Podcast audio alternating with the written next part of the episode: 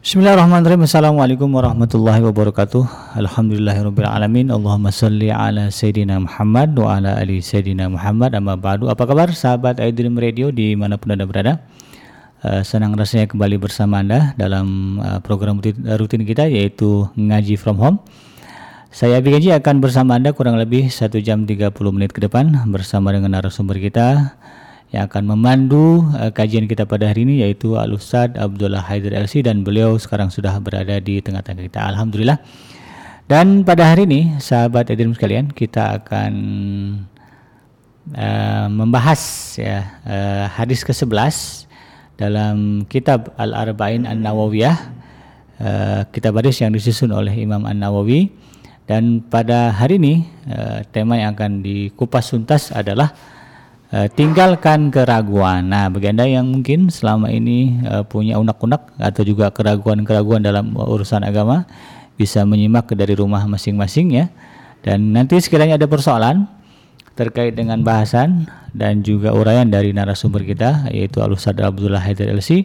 Anda nanti bisa menyampaikan pertanyaan melalui uh, pesan singkat WA di nomor 0822 9 triple 8 1044 ini terutama bagi anda yang mendengarkan kita melalui gelombang 1044 AM. Sementara bagi Anda yang biasa menghadiri kajian kita melalui channel YouTube kita di iDream TV, Anda bisa langsung menulis uh, pertanyaan Anda di kolom uh, chat ya atau di kolom komentar. Insya Allah kita akan sampaikan kepada Ustadz. Dan kalau ada persoalan-persoalan yang nanti mungkin tidak sempat dibahas karena sempitnya waktu ya kebersamaan kita, maka uh, insya Allah akan saya bawa atau akan saya ajukan pertanyaan Anda kepada Ustadz pada pertemuan-pertemuan uh, selanjutnya. Jadi insya Allah ya itu uh, tidak akan disia-siakan. Dan bagi Anda sahabat di Radio yang uh, menyaksikan kita melalui channel YouTube, jangan lupa untuk menekan tombol like dan juga subscribe karena itu merupakan bagian bagian dari dukungan nyata Anda kepada kami untuk uh, meningkatkan kemajuan dan uh, apa namanya kualitas berbagai program dan siaran dan juga program-program dakwah yang ada di iDream Radio. Dan terima kasih juga yang sudah uh, menginfakkan atau mendonasikan kelebihan hartanya uh, ke nomor rekening di Bank Syariah Mandiri atas nama Khairul Insan Yayasan ya. Semoga itu menjadi amal jariah yang akan Anda jemput pahalanya ketika menghadap Allah Subhanahu wa taala. Amin ya rabbal alamin. Baik, tidak berlama-lama kita akan mendengarkan paparan dan uh, ulasan tuntas terkait dengan tema kita pada hari ini yaitu tinggal ke, tinggalkan keraguan dari narasumber kita Al Ustadz Abdullah Haidar LC setelah Anda menyaksikan dan mendengarkan beberapa uh, pesan berikut ini. Assalamualaikum warahmatullahi wabarakatuh. Waalaikumsalam warahmatullahi Bismillahi walhamdulillah wassalatu wassalamu ala rasulillah wa ala alihi wa mawala amma ba'd. Sahabat iDream eh, TV di mana saja berada, semoga kita selalu dalam perlindungan, keberkahan dan ridho Allah Subhanahu wa taala. Amin.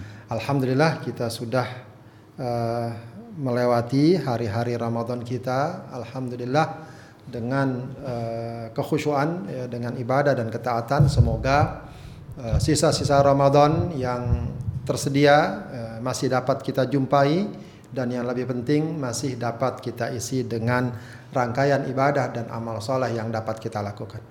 Amin ya rabbal alamin.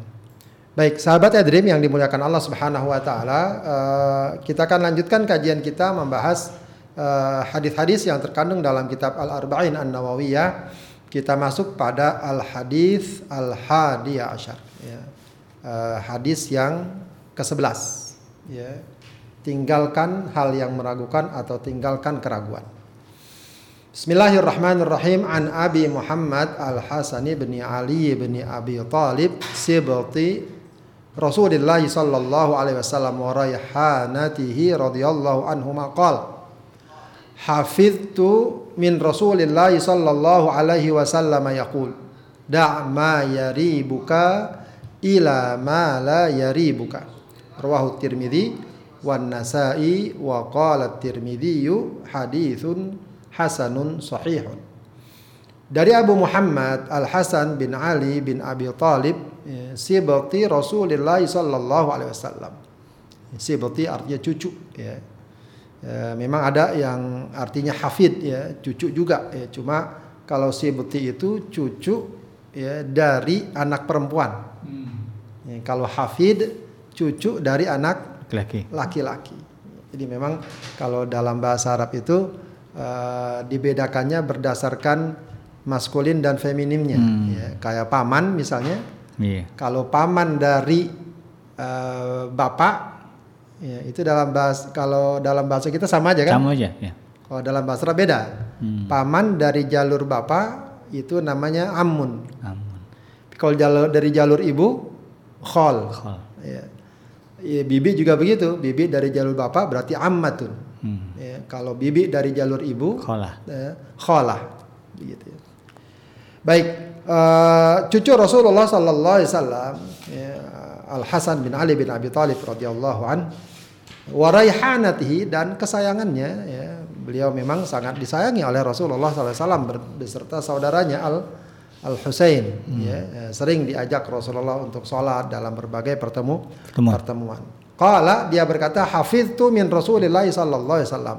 Aku hafal dari Rasulullah sallallahu alaihi wasallam ya aku ketahui dari Rasulullah sallallahu alaihi wasallam ya eh, sebuah ungkapan yang Rasulullah nyatakan yaitu da' ma yaribuka ila ma la yaribuka. Hmm. Ya, da' tinggalkan ya utruk ma yaribuka apa yang meragukanmu ila ma la yaribuka kepada yang tidak meragukan.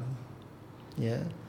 Rawahu Tirmidzi hadis ini riwayat Tirmidzi wan Nasa'i dan An-Nasa'i wa qala Tirmidzi dan At-Tirmidzi mengatakan hadisun hasanun sahihun. Hadis ini hadis hasan sahih. Baik, eh, sahabat tadrim yang dimuliakan Allah Subhanahu wa taala, ya, hadis ini tentu sangat singkat ya, dan ini sebagaimana yang dikatakan oleh para ulama tentang eh, sabda-sabda Rasulullah sallallahu alaihi wasallam yang memang umumnya adalah jawami'ul kalim. Ya, redaksinya singkat ya, tapi mengandung makna yang sangat Dalam. dalam dan sering menjadi kaedah-kaedah yang sangat besar dalam Islam termasuk juga eh, hadis ini ya. Ya, para ulama banyak mengkajinya dan sering menjadikannya sebagai eh, apa namanya kaedah yang di atasnya dibangun eh, berbagai kesimpulan dan hu- dan hukum. Baik, eh, sebelum kita membahas isi hadis ini seperti biasa kita eh, kenali eh, perawi hadis ini dari kalangan sahabat yang tak lain juga merupakan cucu Rasulullah sallallahu al- cucu Rasulullah sallallahu alaihi Wasallam. wasallam yaitu Hasan bin Ali bin Abi Thalib ya Hasan bin Ali bin Abi Thalib ya yang tentu saja sudah sangat kita kenal sering eh, kita sebut namanya. Ya karena dia juga tentu saja bagian dari eh, ahlul bait ya keluarga Rasulullah sallallahu alaihi wasallam ya Eh, beliau adalah cucu Rasulullah dari perkawinan Ali bin Abi Thalib dengan Fatimah ya radhiyallahu anhuma ya lahir di bulan Ramadan tahun 4 Hijriah Hmm. ya, tahun Empat. eh, 4 Hijriah jadi memang eh, masih apa istilahnya eh, sangat muda ya belia ketika Rasulullah hidup ya bahkan ketika Rasulullah wafat pun kalau begitu berarti kurang lebih usianya cuma baru sekitar eh, berapa ya 9 tahun ya Iya, 9 10 tahun lah. Ah, enggak, enggak 9 tahun. Rasulullah wafat tahun 11 Hijriah. Hmm. Beliau lahir tahun Empat. 4 Hijriah. Berarti berapa tahun? Kurang Eh, 6. enam ya? ya 6 ya. 6 Enam atau tujuh, Ustaz? ya, ya antar 7 tahun ya ketika Rasulullah wa- wafat. wafat. Jadi memang masih ya anak-anak relatif Iya. ya. Karena memang lahirnya baru tahun 4 Hijriah. Hijriah. Baik. Eh, beliau bersama saudaranya Al Husain, ya, Al Husain itu dijuluki sebagai Sayyida Syababi Ahlil Jannah. Ya. Yaitu eh, pemimpin pemuda surga. Ya, kalau sekarang banyak pemimpin pemuda di Indonesia ya, atau di negara-negara mana gitu kalau mereka berdua nggak tanggung-tanggung. Pemimpin pemuda sur para pemuda surga. Ya. Dalam hadis riwayat Ahmad, Tirmidzi dan Ibnu Majah Rasulullah mengatakan Al Hasan wal Husain sayyida syababi ahlil jannah. Al Hasan dan Al Husain adalah pemimpin pemuda di syur di surga. Baik. Dan juga dia dikenal sebagai orang yang sangat mirip dengan Rasulullah Sallallahu Alaihi Wasallam. Hmm. Begitu ya. Kemudian juga para ulama menyebutnya sebagai khalifah kelima, Khulafaur Rasyidin. Ya, yang dikenal biasanya Khulafaur Rasyidin itu e, berapa? Empat. Empat. Abu Bakar, Umar, Uthman dan Ali. Ali. Ya, tapi sejumlah ulama menyatakan ada yang kelima yaitu Al Hasan bin Ali bin Abi Thalib sebab dia sempat menjadi khalifah hmm. setelah terbunuhnya Ali bin Abi Thalib. Meskipun hmm. memang tidak lama, sekitar tujuh atau enam bulan. Ya, tapi justru ya dengan masa kekhalifahannya itu maka lengkaplah usia khilaf khulafaur rasyidin ya yang kata Rasulullah itu 30 tahun lengkap dengan masa pemerintahan Al Hasan bin Ali bin Abi Thalib radhiyallahu an. Sebab Rasulullah mengatakan al khilafatu min um fi ummati 30 sanah. Ya. Khilafah dari kalangan umatku, maksudnya khilafah adalah al khulafa rasyidin. Atau disebut dengan al khilafah ar rasyidah. Ya, kekhalifahan yang ya apa namanya patokan dan penetapannya mengikuti apa yang Rasul sampaikan ya berdasarkan syuro, berdasarkan kesepakatan kaum muslimin, bukan berdasarkan penunjukan turun temurun atau keraja atau kerajaan. Ya, thumma mulkun ba'da dzalik baru setelah itu masa kerajaan kata Rasulullah. Ya. Nah, kata para ulama di antara misalnya Ibnu Katsir mengatakan bahwa ketika Rasulullah mengatakan e, khilafah setelahku itu adalah 30 tahun dan itu yang dimaksud dengan khulafaur rasyidin hmm. itu persis apabila ya dimasukkan masa kekhalifahan Hasan bin Ali bin Abi Thalib. Sebab kita tahu Rasulullah wafat ya, pada tahun berapa? 11 Hijriah. 11 ya. Bulan apa? Rasulullah wafat tuh? Rabiul. Bulan Rabiul Awal. Ya. Kemudian Abu Bakar menjadi khalifah. Sampai tahun berapa? Cuma dua tahun Abu Bakar. Ya. Dari 11 sampai 13 13 Hijriah. Hijriah. Kemudian menjadi khalifah siapa? Uh, Umar. Umar bin Khattab. Ya. Berapa tahun dia menjadi khalifah? Hmm. 10 tahun. Oh, okay. ya, dari 13 Hijriah sampai 23 tahun. Hijriah. Hijriah ya. Baik. Kemudian setelah itu Utsman bin Affan. Hmm. Ya, dari tahun 23 Hijriah sampai 35 Hijriah. Oh, lama ya, sampai 35 Hijriah, lumayan lama. Hmm. Ya, sekitar 13 tahun. Nah, baru kemudian Ali bin Abi Thalib dari tahun 35 Hijriah sampai hmm. apa? Sampai uh, 40 Hijriah. Hmm, sampai 40 Hijriah. 5 tahun. Yeah.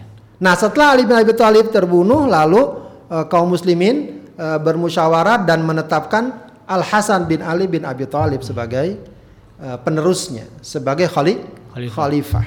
Ya, akan tapi memang kata Rasulullah SAW dalam hadis riwayat Bukhari, ibni hadza anakku ini Hasan maksudnya, cucunya wal sayyidun adalah pemimpin wala Allah an yusliha bihi baina fi'ataini azimataini. Hmm. Allah akan mendamaikan dengan anak ini dua kelompok yang besar. Masya Allah.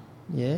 Dan uh, ternyata memang uh, kita mungkin ini per, uh, catatan sejarah yang cukup hmm. panjang ya dan detail ya. Kita tidak ingin membahas secara detail. Memang sempat terjadi ya katakanlah dalam tanda kutip konflik antara Ali bin Abi Thalib dengan uh, ya pengikutnya uh, Muawiyah dengan segala pengikutnya. Hmm. Begitu ya. Itu masalah ijtihadiyah. Hmm. Nah, uh, setelah uh, Hasan menjadi khalifah, maka dia ingin agar permasalahan selesai, ya, maka dibuat sebuah perjanjian, klausul perjanjian yang kemudian kesimpulannya adalah Al Hasan menyerahkan kekhalifahan kepada Muawiyah. Hmm. Itu setelah kurang lebih uh, 6 atau 7 bulan kekhalifahannya. Dan itu ya, terjadinya pada tahun 41 Hijriah. Hmm. Dan di bulan Rabiul Awal pula. Masya Allah. Pas. Ya. Berarti pas. Ya. Orso wafat di bulan apa tadi? Rabiul, Rabiul Awal, Awal tahun 11. 11. Penyerahan kekhalifahan Al Hasan kepada Muawiyah pada tahun uh, 41. 41 di bulan Rabiul awal. awal. Maka sebagaimana sabda Rasulullah al khilafah min fi ummati salasuna sana kekhalifahan umatku itu eh, terjadi selama 30 ta 30 tahun. 30 tahun. Ya, maka kemudian eh, dikenal Al Hasan bin Ali bin Abi Thalib itu sebagai Khulafaur Rasyidin Al Khamisah. Hmm, yang kelima. Khulafaur Rasyidin yang kelima. Meskipun memang tidak terlalu dikenal ya Iya. eh, istilah tersebut, tapi beberapa ulama menyebutkan demikian. Baik, beliau wafat di Madinah pada tahun 49 Hijriah. Jadi asalnya beliau ketika menjadi khalifah dan juga bersama bapaknya Ali bin Abi Thalib sempat tinggal di Kufah namun kemudian akhirnya pindah ke Madi Madinah. ke Madinah dan wafat di sana serta dikuburkan di sana. Baik. Eh, hadis ini ya sebagaimana juga eh, diisyaratkan memiliki kedudukan yang besar Ibnu Hajar Al Haythami mengatakan hadis ini merupakan kaidah agama yang sangat agung ya dan merupakan landasan dalam sikap wara yang merupakan ciri orang bertakwa Hmm. ya, serta penyelamat dari sikap keraguan-raguan yang dapat menghalangi cahaya keyakinan. Jadi ada dua hal di sini yang eh, nanti akan jadi catatan ya. Eh, sikap wara ya, agar seseorang berhati-hati dan sikap yakin agar tidak ya, timbul keraguan-raguan. Iya. Ya, timbul keraguan-raguan. Uh, uh, dalam kitab Tuhfatul Ahwadi dalam syarah uh, Tirmidzi ya, Mubarakfur ya mengatakan bahwa maksudnya adalah hadis ini bahwa hendaknya setiap mukallaf orang yang telah terkena kewajiban melandasi perbuatannya dengan keyakinan dan pemahaman terhadap agamanya. Hmm. Ya. Maka memang dalam uh, kaidah fikih yang sangat terkenal dan ini sering akan menjadi uh, kaidah yang menjadi patokan dan landasan ya dan kaidah ini dibuat para ulama bukan mereka karang sendiri tapi juga berdasarkan hadis-hadis yang uh, dapat dijadikan sebagai rujukan ya. Hadis dak manyaribuk ila manyaribuk ya, dijadikan kaedah para ulama dengan satu kaedah yang akan menjadi patokan dalam beberapa perkara Hmm. ya yaitu apa al yakinu la yazulu bisyak Iya. perkara yang yakin tidak boleh hilang oleh keragu Keraguan. oleh keraguan Ya, itu kaidah fikih dan juga eh, bisa masuk dalam pembahasan eh, apa namanya eh, akidah dan semacamnya baik Eh, sahabat hadirin yang dimuliakan Allah Subhanahu wa taala dalam hadis ini ada dua poin penting yang terkandung Ya, ada dua kandungan utama yang terdapat dalam hadis ini. Pertama, dalam tataran akhlak dan muamalah, maka hadis ini menjadi landasan sikap warok. Iya. Ya, sikap Orang. sikap warok. Ya. Nanti akan kita coba jelaskan sedikit tentang apa itu warok. Kemudian dalam tataran akidah dan ibadah, Iya. hadis ini eh, apa namanya eh, menjadi eh, landasan bagi kita untuk meninggalkan penyakit was-was atau tadi juga istilahnya eh, menghadirkan eh, sikap yakin. Iya. Ya. Eh, yakin. Hadis ini mengajarkan kita untuk yakin. Jadi kalau tadi waro itu itu jangan disamakan dengan sikap keraguan-raguan. Jadi kadang sebagian orang mengartikan waro akhirnya dia dibuat ragu-ragu. Ya, tidak nyaman, tidak tenang. Padahal tidak, ya. Ya, waro itu hati-hati. Tapi bukan akhirnya menjadi ragu-ragu Ragu-ragu. penuh was-was. Ya, apalagi kalau udah masuk dalam bab akidah, bab ibadah dan seterusnya. Justru dalam bab akidah, dalam bab ibadah yang sangat ditekankan bagi kita adalah sikap yakin. Ya, sikap yakin. Jangan diliputi oleh perasaan was Was-was. was-was. Baik. Kita coba bahas pembahasan pertama terkait dengan masalah muamalah dan akhlak. Yang dituntut adalah sikap wara. Hmm. Ya, Wara itu apa maksudnya? Ya, secara sederhana, wara itu adalah tarku ma yakhafu dararuhu yaumal qiyamah.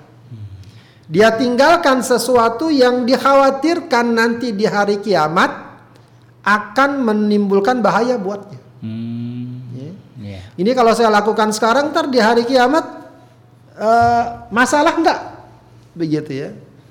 Baik itu udah dia yakin atau masih khawatir. Ya, mungkin belum terlalu yakin bahwa ini membahayakan, tapi bisa jadi begitu.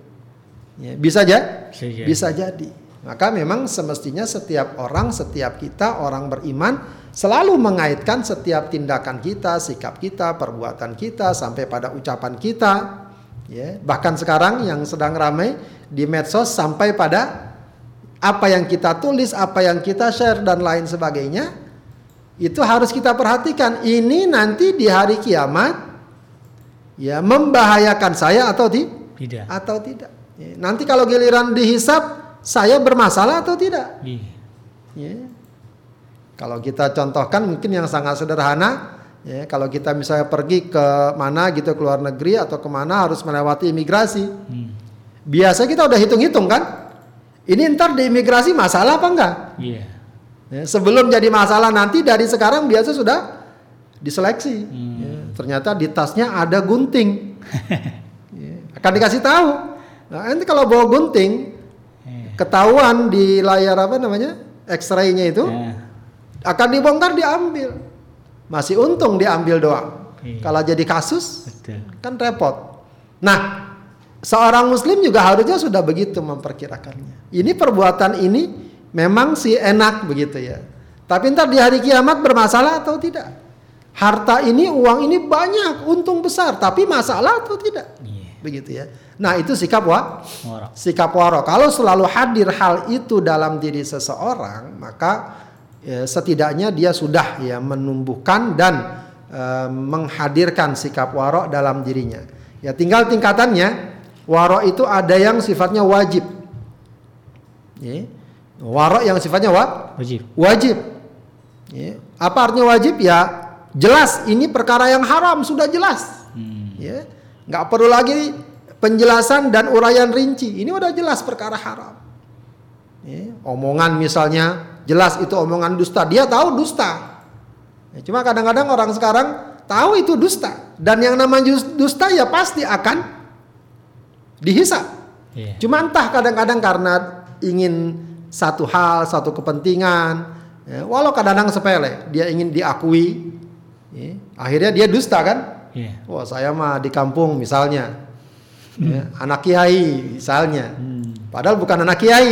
Yeah. Ya, sekedar pengen diaku, diakui. Diakui. Oh saya mah di, dan seterusnya dan seterusnya. Atau yang lain, apalagi kalau ada dustanya sudah sampai pada tingkat merugikan orang dan seterusnya. Yeah. Nah, orang yang warok harus dia tinggal, tinggal. tinggalkan. Ada makanan yang haram, jelas haramnya. Tidak perlu penjelasan lebih rinci. Jelas, bangkai kah atau darah kah atau khamer kah sudah tinggalkan. Ya, itu namanya warok yang sifatnya wa, wajib. Ada lagi warok yang sifatnya mandub, hmm. sunnah. Ya, sebaiknya kita tinggalkan, walau memang belum jelas kayak kemarin yang kita katakan perkara syubhat tadi. Yeah. Ya, tinggalkan. Ya. Kalau ini sudah sangat membatasi antara halal dan haram, ya maka tinggalkan. Ya. Walau mungkin kita nggak melakukannya, ada tempat-tempat yang sangat dikenal kemaksiatan, tinggal tinggalkan. Ya, ada harta nih nggak dikenal nih harta. Ya, kalau dibilang haram memang nggak jelas banget. Dibilang halal juga nggak jelas sumbernya. Ya. Hmm. Ditinggalkan lebih hati-hati. Ya. Lebih hati-hati. Ya, itu namanya warok yang sifatnya mandub. Bahkan warok ada yang namanya fadilah. Keutamaan lebih tinggi lagi. Hmm. Ya. Dia bukan syubhat. Tapi mubah, boleh. Cuma perkara yang boleh ini kalau kebanyakan ya, ya dapat mengurangi ya, keutamaan atau bisa jadi juga akan membuat orang tergelincir pada sikap meninggalkan eh, apa namanya eh, kebaikan-kebaikan. Ya, ini biasanya maaf ya, kadang-kadang suka terkait dengan hobi-hobi hmm. gitu ya. Hobi apa bisa hobi mancing lah ya yang paling gampang. ya mancing sampai 10 jam, 20 jam. Mungkin kalau sehari sekali-sekali mungkin iya. iya. Ya kalau tiap hari. Ya, sekarang yang paling gampang ya mungkin ngobrol sana sini sana terlalu pan panjang, panjang terlalu banyak. Ya, jadi mengambil atau melakukan perkara mudah ya, mubah yang boleh tapi terlalu terlalu banyak. Hmm. Ya, kalaupun iya bolehlah hal itu untuk refreshingnya untuk selingan dalam hidupnya begitu. Tapi kalau terlalu mengambil mengambil terlalu banyak, ya, itu sementara dengan waktu yang sama dia masih bisa melakukan kebaikan, apakah menolong orang, apa mungkin di rumah dia melakukan kebaikan, ataukah dia zikir, dia sholat dan seterus Iya. dan seterusnya. Jadi habis waktu, apalagi kadang-kadang biaya untuk perkara-perkara yang kadang-kadang ya apa istilahnya ya Nggak jelas. nggak jelas gitu ya. Eh, Cuma sekedar senang-senang aja for begitu ya. Ya, Makanya sering- yang sering saya contohkan kayak gini tuh masalah-masalah hobi, masalah kesenangan pribadi. Iya. Ya orang melihara burung, ngurusin burung ya. Habis seharian dia cuma ngurusin itu aja begitu ya. Atau ada yang senang dengan misalnya motornya, mobilnya dan seterusnya. Main catur. ah, itu nanti ada babnya lagi. Baik, itu masalah warok. ya. Maka perkara yang mubah pun dia batasi. Bahkan nanti ada hadisnya secara khusus untuk itu. Ya. Baik. Eh, medan atau pengamalan warok juga macam-macam ya. Iya. Dari mulai ya pandangan kita harus juga membatasi diri ya. Memang apalagi pada zaman sekarang ya pandangan begitu gampang terbuka orang-orang apalagi eh, di apa namanya di masyarakat belum lagi juga di televisi dan lain sebagainya. Ini memang satu hal yang eh, harus kita latih diri kita ya kita eh, warok dalam pandangan tidak gampang ya melihat memandang sesuatu yang eh, sebenarnya bukan eh, yang dibenarkan eh, dalam bagi bagi kita. Baik perkara-perkara apakah itu mungkin yang sangat terkenal apakah lawan jenis ya yang bukan mahram dan lain sebagainya atau perkara-perkara lain yang sekiranya di sana dapat memancing seseorang untuk melakukan eh, ke kemunkaran ya, kemunkaran. Ya, eh, maka bahkan para ulama mengatakan awaluhun nadrah. Biasanya kemaksiatan itu diawali dari panda, Pandangan. dari pandangan. Maka ada istilah dari mata turun Ke hati. ke hati. Ya. Apa namanya eh, kata para ulama an nadratu eh, kemudian fabtisamu fakalamu famau'idu faliqau. Hmm. Ya, jadi tahapannya memang bisa jadi pandangan, Iya. senyuman, Heeh. lalu apa? ucapan, Eh, ucapan, obrolan. Ustaz. lalu janjian, Heeh. ketemuan. Gitu ya.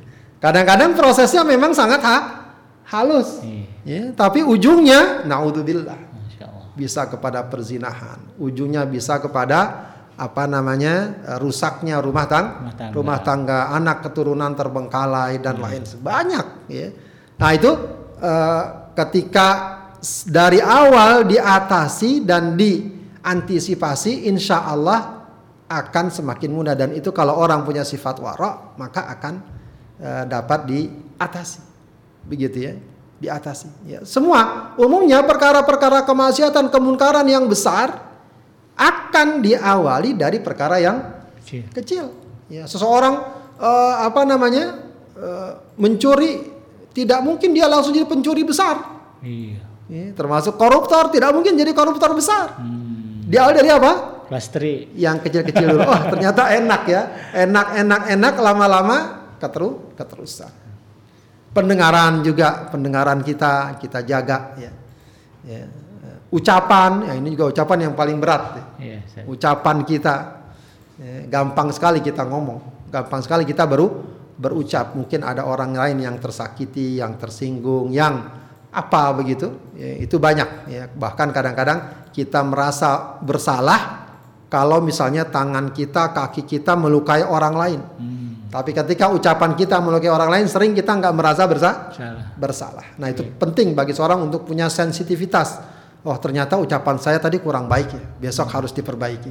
Ya kayak kayak begitu harus di dibiasa dibiasakan gerakan juga, tindak tanduk kita, perbuatan kita, usaha juga dalam berbagai usaha, ya, Ya, pekerjaan kita, dagang kita dan seterusnya. Tetap ya sikap waro harus kita eh, apa namanya jaga ya. Jangan sampai oh ini untungnya besar ini. Ya, tapi ternyata ada perkara-perkara yang eh, ya paling tidak mengandung kemunkaran atau min- minimal syubhat dan seterusnya. Makanan juga. Ya memang eh, haruslah dilatih. Ya jangan kemudian kita apa saja kita mah Makan. kita makan. Apalagi sekarang ya gampang sekali sekarang beli makanan. Itu kan tinggal pesan online datang. gitu ya. Tinggal pesan dari mana mungkin ada uangnya selesai.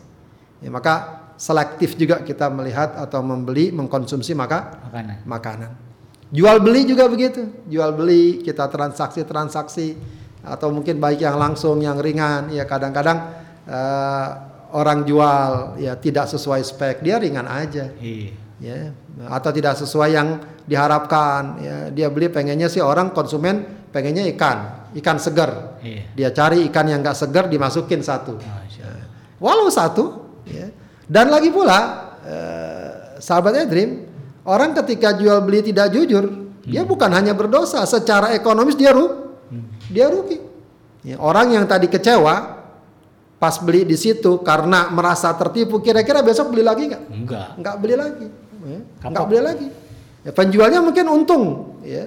Dapatlah saat itu keuntungan tapi sekian berikutnya dia nggak akan kedatangan orang itu lagi. Itu kalau satu orang kalau sekian banyak orang. Maka eh, warok itu harus betul-betul dijaga. Ya, walau sederhana. Walau seder Sederhana. sederhana ya. Kadang ya maaf ya kadang orang beli. Ya beli eh, dia bisa main makan aja. Bagusnya dia tanya nih boleh nggak dimakan? Begitu ya dicoba biasanya. Cicipin ya bang. Ini beli kacang biasanya. ya beli kacang. Atau abangnya sudah sudah Dibungkus. dibungkus tambah bang minta ya Ah, nih ini buat bonus. Main ambil aja begitu ya pak. Kalau kecuali kalau dia bilang bang gimana? Kasih bonus dong. Dikasih sama dia nggak apa-apa. Begitu ya. Nah yang kayak kayak gitu juga meskipun mungkin kelihatan ringan tapi kalau orang punya sikap dihindari. betul-betul dia hindari. Ya pembelinya juga begitu penjual juga begitu. Jangan main kurangin aja timba timbangan. Ini beli timbangan diatur. Ya timbangan yang kira-kira nanti sekilo jadinya sekilo kurang Nah, 10 berapa gram gitu. Nah, itu sesuatu yang tidak boleh, ya. Harusnya dija- Jaga. dijaga atau literan misalnya literan ya wallah alam ya kita nggak tahu kadang-kadang ada informasi bahwa literan bensin dikurangi Iya. dalam setiap liter berapa begitu Iya, iya. ya kalau memang satu liter sih memang nggak kerasa Hmm. coba kalau dikalikan dalam sehari seribu liter ya kurang sekian tetes saja Besar. ya, besar.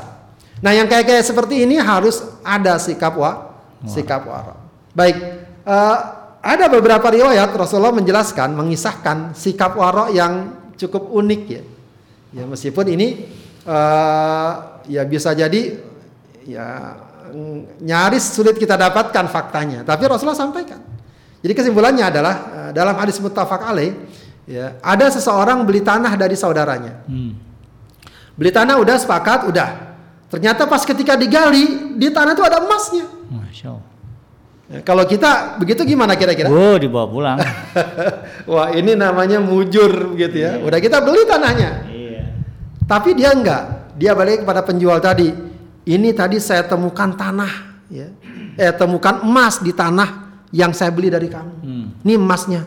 Kata penjualnya apa? Enggak. Karena saya udah jual tanahnya berarti saya jual semua isinya. Hmm. Enggak mau nerima dia. Iya, iya, iya. Pembelinya ngotot harus pengen beri, enggak kamu harus terima. ya. Jadi berantemnya gara-gara itu. Gara-gara warok. Lo lihat ya, susah contoh kayak gini di mana? Akhirnya apa?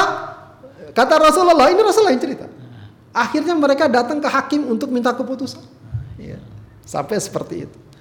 Lalu kata hakim gimana? Kamu punya anak, punya anak laki. Kamu? Saya punya anak perempuan. Ya udah kawinin dua-duanya. Nanti kasih ke mereka gitu. Ya, ya. Jadi itu kata Rasul itu dalam hadis muttafaq alaih. Ya. Ada juga eh, satu hadis ya, ini Rasulullah kisahkan dari kalangan Bani Israel, ya, Israiliyat, ya, yang Rasulullah sampaikan. Hmm. Eh, ada seseorang minjem uang, ya, Iya. dikatakan minjemnya seribu dinar eh, dengan janji nanti akan dibayar eh, pada waktu tertentu yang disepakati. Lalu dia berangkatlah ke eh, negeri lain, nyebrang lautan.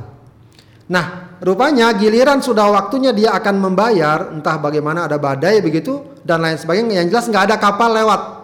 Dia nggak bisa pulang ke negeri sebelah yang dia dapat melunasi Utang. utang tersebut. Apa yang dia lakukan? Jadi dia apa? Dia ambil sebongkah kayu, Hmm. kemudian dia lobangi, Hmm. uang sejumlah yang dahulu dia pinjam dia masukkan ke situ. Masya Ditutup kayu itu. Ya, lalu dia lepas dia minta kepada Allah mudah-mudahan dia sampai ke tangan orang yang Memberi saya pinjam dulu. Nah, orang yang tadi meminjamkan uang pas tanggal yang ditentukan dia ke pelabuhan, dia ke pantai. Dengan harapan orang itu dah Datang. datang bayar utang. Ternyata tidak didapatkan. Akan tapi kemudian dia menemukan ada sebongkah kayu. Lalu sebongkah kayu itu diambil dengan maksud agar nanti buat kayu, Kayu bakar. bakar rumahnya. Istrinya suruh buka. Pas dibuka ternyata uang sejumlah yang sama. ya. Ya, itu eh, kita lihat bagaimana orang tadi begitu waroknya, saking waroknya, ya dia ingin membayar utang tersebut karena nggak bisa akhirnya dilakukan seperti itu. Ya. Meskipun kalau sekarang ya jangan di Tiru. ditiru kita kirim ke Ciliwung entah ke mana ya. Ya. Tapi eh, terlepas dari itu itu gambaran bagaimana kesolehan orang. kesolehan kewaroan seseorang dalam masalah harta dalam masalah perilaku sehari-hari. Baik. Akan tapi ada satu catatan dalam buah waro ini. Ya, Jadi waro ini adalah perkara yang bagus dan mulia setelah seseorang mewujudkan istiqomah dalam syariat. Ya. Jadi kalau dalam syariat dia istiqomah, ya dia melaksanakan yang wajib kah, sholat, puasa dan lain sebagainya, ditambah dengan waro, eh, maka itu namanya penghias. Ya.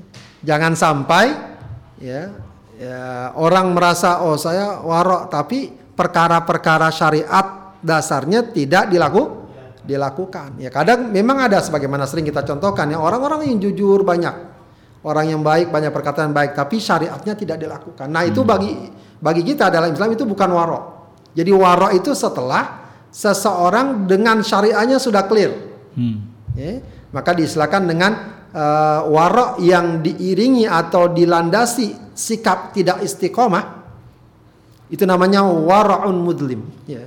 atau waraun maz'um juga dia mengatakan demikian baru klaim warok saja Hmm. ya.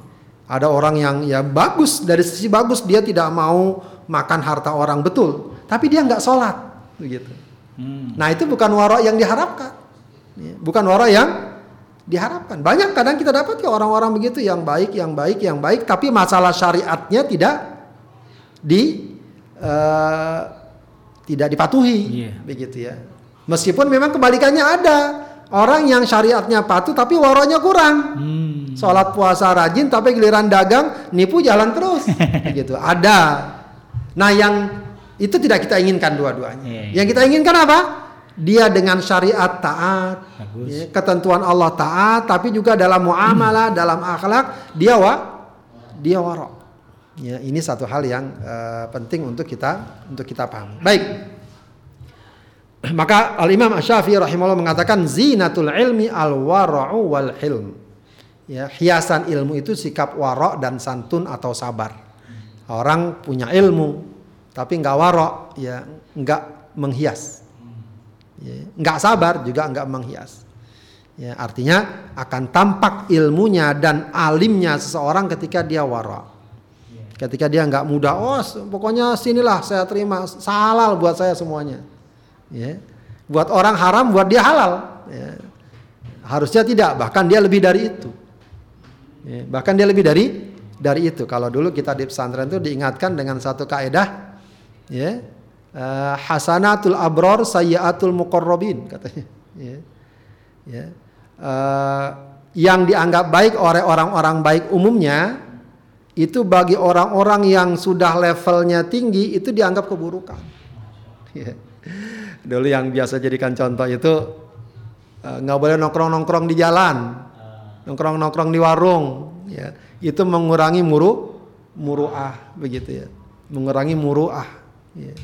Ya, maksudnya ya itu perbuat meskipun mungkin dia tidak melakukan kemaksiatan, akan tapi itu perbuatan yang bisa menurunkan muruah. Ya tentu saja bukan berarti kemudian kita katakan nggak boleh nongkrong di warung ya akan tapi eh, kalau itu menjadi kebiasaan dan seterusnya ya bukanlah sesuatu yang eh, yang baik ya.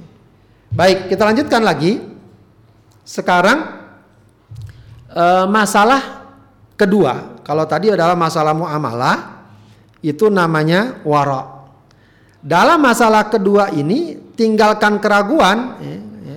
kalau tadi masalah tinggalkan keraguan dalam muamalah dan akhlak disebut wara kalau tinggalkan keraguan dalam masalah akidah dan ibadah itu disebut yakin. Jadi wara itu memang masalah muamalah, masalah akhlak, pergaulan kita sehari-hari. sehari-hari. Tapi kalau soal ibadah, soal akidah yang dituntut adalah yakin. Ya.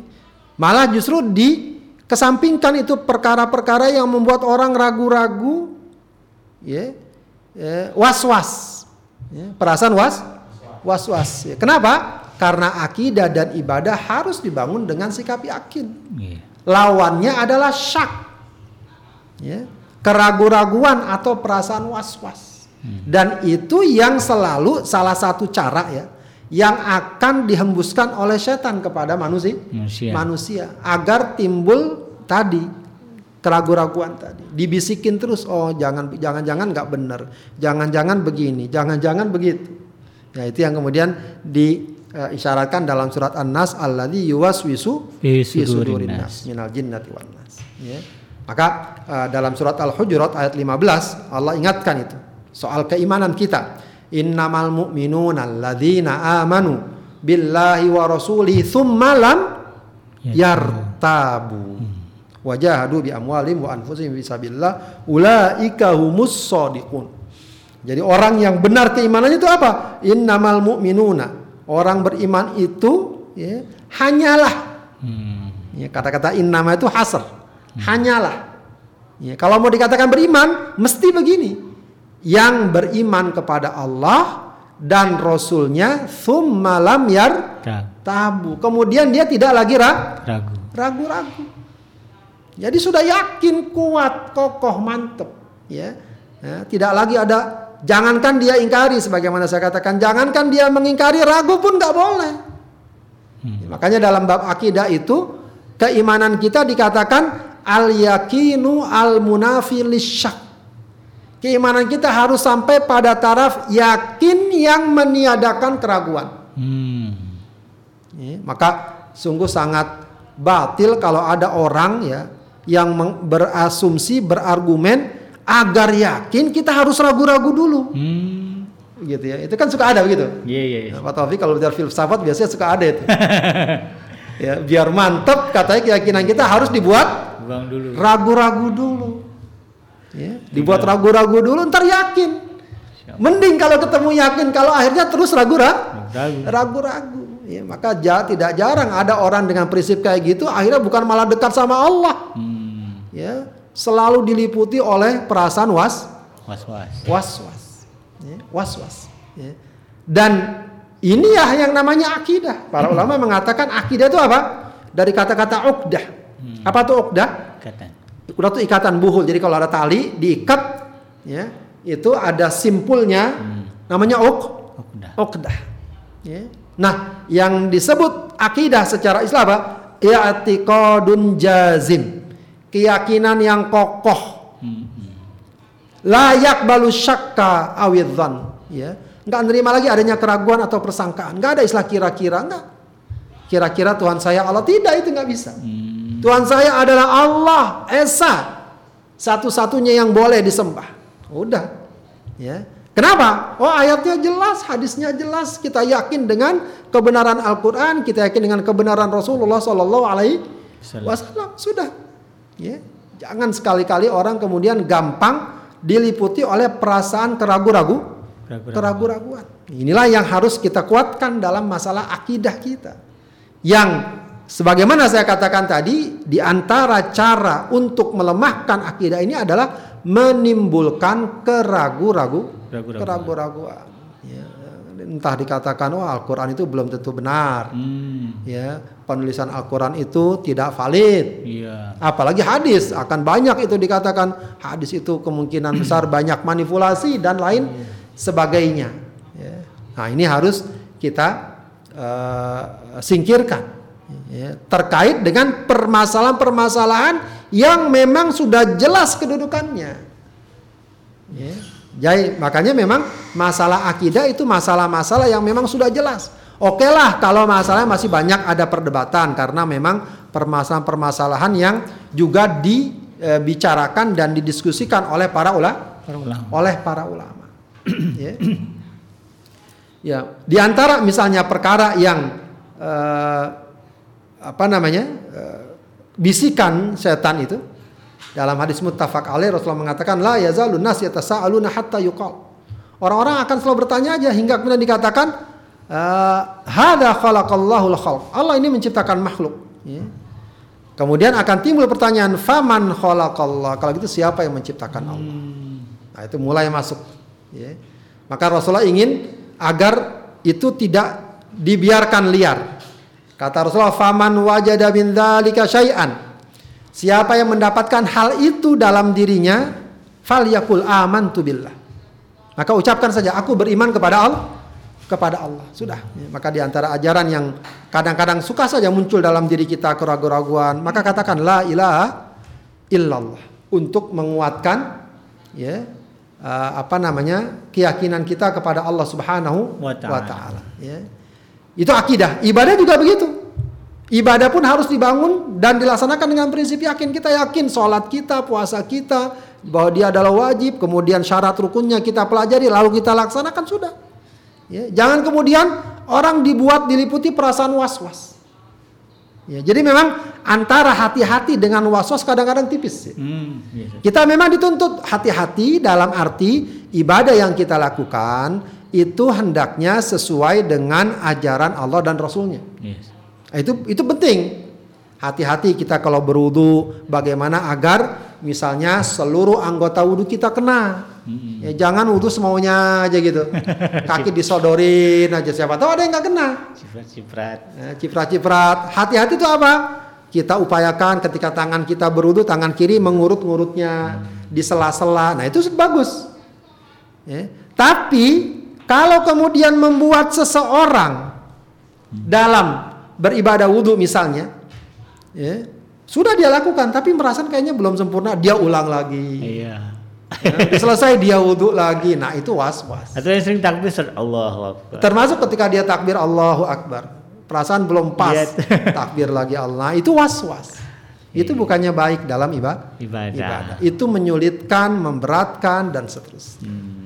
Ya, bahkan mungkin saya sering ceritakan ya dalam beberapa majelis ya sebuah uh, contoh ya gambaran. Kalau dulu diceritakan juga para ustadz di kajian pengajian-pengajian ya ada seorang santri yang mau berwudu lalu dia bilang sama kiainya saya nggak mau ah berwudu dengan air sumur saya maunya ke air sungai. Ha, biar lebih yakin. Iya. ya udah nggak apa-apa silakan. Pas nyampe sungai dia bingung lagi ah jangan-jangan ada yang kotor gitu kan. Bilang kepada kiainya saya mau wudunya pakai air pantai aja deh biar kelihatan yakin lebih bersih. Uh. Oh silahkan gitu ya. Pas pantai dia ragu lagi oh, masih ada mungkin kotor, maka dia bilang sama kiainya, ya uh, kalau gitu saya wudhunya ke tengah samudera aja deh, uh. biar lebih pas, pasti biar lebih ya yakin. yakin. Kata gurunya, oh kalau gitu kamu nggak sah wudhunya. Kenapa? Kamu nggak waras. Orang nggak waras tuh wudhunya nggak sah. Kenapa harus repot-repot ke tengah samudra kalau dia bisa berwudhu dengan air yang ada di hadapannya? Kalau itu bukan masalah hati-hati, itu namanya was was was. Dalam ibadah hal itu tidak dibenarkan. Okay. Tidak dibenarkan. Ya, jadi ibadah itu harus eh, apa namanya dilaksanakan dengan prinsip yakin, jangan mudah dikalahkan perasaan was was was. was, was. Selagi seorang sudah melakukan apa yang dia harus lakukan, ya sudah. Ya, insya Allah tinggal dia upayakan yang terbaik, dia mohon segala sesuatu diterima oleh Allah Subhanahu hmm, wa taala. Ya. Baik.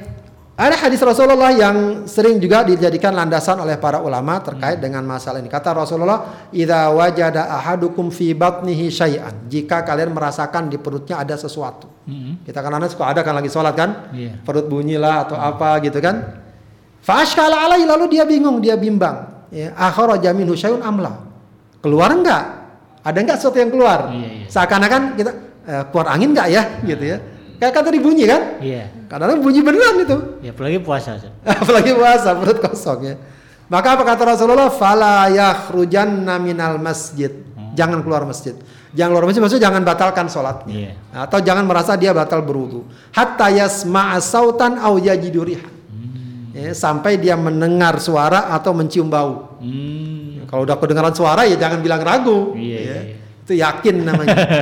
ya. Atau dia cium baunya. Nah, kalau udah jadi sudah yakin. Ya.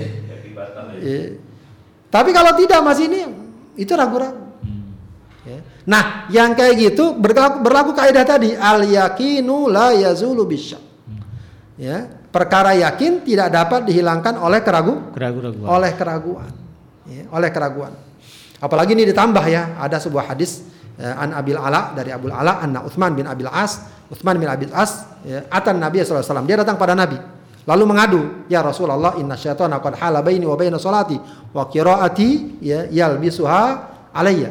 Ya Rasulullah setan itu menggodaku dan dengan dengan salatku. Ya menghalangiku dengan dengan salatku dengan bacaanku sehingga apa namanya aku jadi apa istilahnya ragu. eh, campur aduk lah bacaannya. Keliru. Faqala Rasulullah maka Rasulullah mengatakan dzaka syaitonun yuqala lahu khanzab. Hmm. jadi itu memang ada setan namanya khanzab. Hmm. ya jadi ada setan yang khusus menggoda orang untuk Salat. ketika sholat. Iya. entah lupa entah ragu. Makanya sering kita kalau lagi sholat tuh kok kok bisa ragu ya? Ini tuh berapa rokaat? Kok bisa lupa itu? Padahal cuma rokaatnya kan cuma dua atau tiga. Iya. itu bisa lupa. Iya, Ustaz. ya. Karena memang ada setan tugasnya itu. Ya, bikin ragu bikin lupa dan lain sebagainya. Ya namanya khanzab makanya hati-hati jangan ngasih nama anak khanzab meskipun bahasa Arab Iya, iya. Faida ahsas tahu fata'awad billahi minhu. Kalau kamu merasa ya, ada hal itu fata'awad billah, maka berlindunglah kepada Allah. Allah. Eh, berlindung pada Allah ini seiring dengan firman Allah eh, fa imma yanzaghannaka minasyaitani nazghun fasta'id Billah. billah. Kalau kamu merasa ada godaan setan maka berlindunglah kepada Allah. Watfil ala yasarika maka meludahlah ketiga ke kiri meludah sedikit maksudnya tiga kali. Qala fa'a fa fa'altu dzalika fa'adhabahu Allahu anni. Aku lakukan hal itu lalu hilanglah eh, tadi godaan setan tersebut dariku. Jadi memang eh, timbulnya perasaan was-was itu itu memang dari setan. Ya, dari setan. Jangan kita biasa biasakan. Baik, beberapa kasus was-was dan persikapannya. Makanya juga eh, dalam hal ini ada beberapa contoh. Misalnya ragu batal wudhu apa tidak. Eh, Para ulama mengatakan kalau masih ragu ya tidak batal. Dari rumah dia berwudhu, dia tahu berwudhu. Iya. Sampai di kantor tadi batal nggak ya? Berarti nggak batal. Itu mengambil kaidah tadi al yakinu la yazulu bis bisyak. Ragu sudah wudhu atau belum? Nah ini jangan disamakan. Oh sudah wudhu tidak. Ya. Kalau sudah wudhu atau belum, itu asalnya dia wudhu atau tidak? Seseorang umumnya wudhu atau enggak? Enggak. Enggak. Berarti asalnya dia enggak berwudhu. Kalau ragunya wudhu atau bel, Belum. berarti belum wudhu. Hmm. Tapi kalau ragunya adalah batal atau tidak? Berarti udah udah. Berarti udah wudhu, berarti yakin itu kan udah wudhunya. Iya. Batalnya ragu atau enggak? Ragu. Ragu, berarti yang batal tidak boleh mengalahkan yang yakin. Ya, yang sering juga jumlah rakaat sholat, ragu berapa tiga atau empat, ambil yang paling sedikit Tiga. tiga, begitu ya. Ragu berapa jumlah puasa yang harus dikodok, yang paling dikit apa yang paling banyak? Dikit. Hah? Yang dikit. Ah, jangan yang paling banyak, nggak sama itu, jangan mau. Iya, iya, iya. Kenapa? Yang paling banyak lebih meyakinkan apa yang paling dikit? Yang paling banyak. Yang paling banyak beda dengan jumlah rakaat sholat. Iya. Ya. Nah kalau jumlah rakaat sholat sama dengan jumlah tawaf, putaran tawaf. Ah, Ragu putarannya empat apa tiga? Berarti yang paling dikit apa yang paling banyak? yang paling dikit. Paling dikit. Ya, itu yang lebih yakin. Ya. Ragu batal sholat atau tidak? Tidak batal sebagaimana hadis ta? Tadi. Hadis tadi. Ya. Baik, sumber penyakit was-was itu apa? Akal pikiran yang kurang sempurna. Orang ketika akal pikirannya biasanya kadang-kadang konsen hilang atau ya mungkin stres atau apa. Itu biasanya emang nggak berpikir nggak berpikir utuh. Hmm. Ya, sehingga sering timbul keraguan dan ketika itu memang setan gampang menggoda. Ya, setan gampang menggoda. Maka jagalah terus akal pikiran kita ya agar sehat, agar waras dalam arti ya biasakan segala sesuatu kita sikapi dengan proporsional. Kalaupun sedih jangan terlalu larut dengan kesedihan. Kalaupun gembira juga begitu, jangan terlalu larut dengan itu biasanya akan menghilangkan akal sehat. Hmm. Ya, biasalah sedapat mungkin wajar dalam berbagai macam kondisi situa situasi Ya, agar pikiran kita pun eh, jernih begitu ya. Ya, Yes. termasuk kondisi sekarang yang memang sedang terjadi wabah Ya, tetap ya jangan sampai juga membuat seseorang terlalu takut berlebihan Hmm. waspada oke hati-hati iya ya tapi eh, jangan akhirnya diliputi nggak bisa tidur nanti gimana nanti gimana dan seterusnya itu akhirnya akan menimbulkan was Was-was. was-was.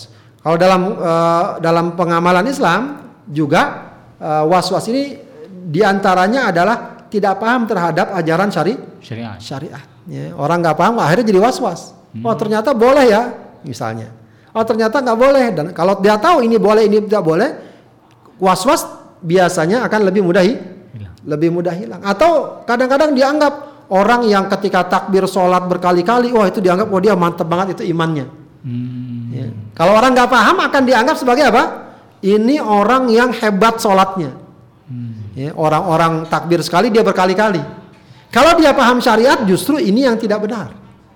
Ini yang menggambarkan sikap was Was-was. begitu ya.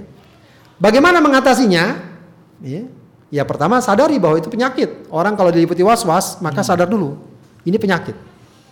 Ya, Orang kalau udah sadar itu dia mengalami sakit biasanya dia akan berusaha untuk mengatasi mengatasinya. Ya, yang bermasalah tuh sering orang nggak paham dia sakit.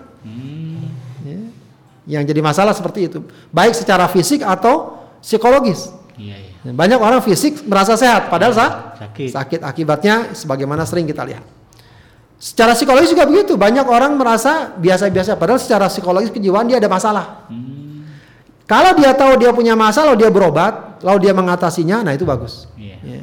Tinggal diikuti uh, treatmentnya. Kemudian tinggalkan segera berba, tinggalkan segera se- berbagai bentuk keraguan, jangan hanyut di dalamnya. Ya. Jadi keraguan jangan dibiarkan. Bahkan para ulama mengatakan ya, kalau kamu misalnya lagi sholat, lalu ada bisikan, ya jangan lama-lama sholat, ntar kamu ria. Lamakan sholatmu. Jangan kamu sedekah itu, ntar kamu ria. Sedekah, jadi lawan itu setan. Iya, iya, iya. Jangan dituruti. Jangan dituruti Dituruti. dituruti. Ya, Kalau itu jelas-jelas merupakan ah, jangan ngaji lah, ntar ngaji kamu jadi sombong, segala." Ja- tinggalkan itu. Ya, lawan itu, ya, jangan diturut, Dituruti. dituruti. Ya, terus termasuk juga banyak berzikir, berzikir dan berdoa. Ya. Zikir adalah benteng kita. Ya. Was-was banyak dipengaruhi oleh godaan se Setan. godaan setan. Ketika kita banyak berzikir, maka dia akan menghindar. Jadi makanya setan itu dalam surat An-Nas tadi apa min syarril waswasil Khannas. khannas. Al khannas itu apa? Hmm. Khannas itu yang dia menyeruput gitu. Setan itu akan merasa besar kalau orangnya lengah. Oke. Orangnya lengah. Ya, dia orangnya apa namanya? jauh dari Allah, jauh dari zikir. Wah, setan akan hebat itu.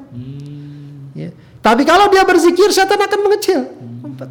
Ya. eh, Kita tahu azan itu kalau azan berkumandang, iblis gimana? Hari. Lari dia.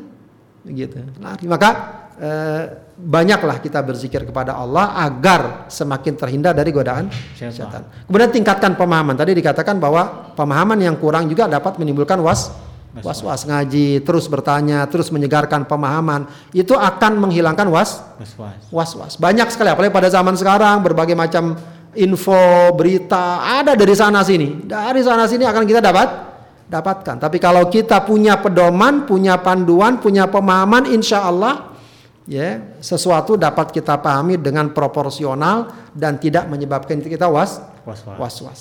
Ya. Kemudian menyibukkan diri dengan manfaat. Orang juga begitu, was-was, keraguan-raguan. Itu kenapa? Ya banyak yang kosong agenda hidupnya. Tapi kalau dia isi dengan perkara-perkara manfaat, baik urusan dunia atau urusan akhirat, nah itu eh, perkara-perkara kosong itu akan terisi.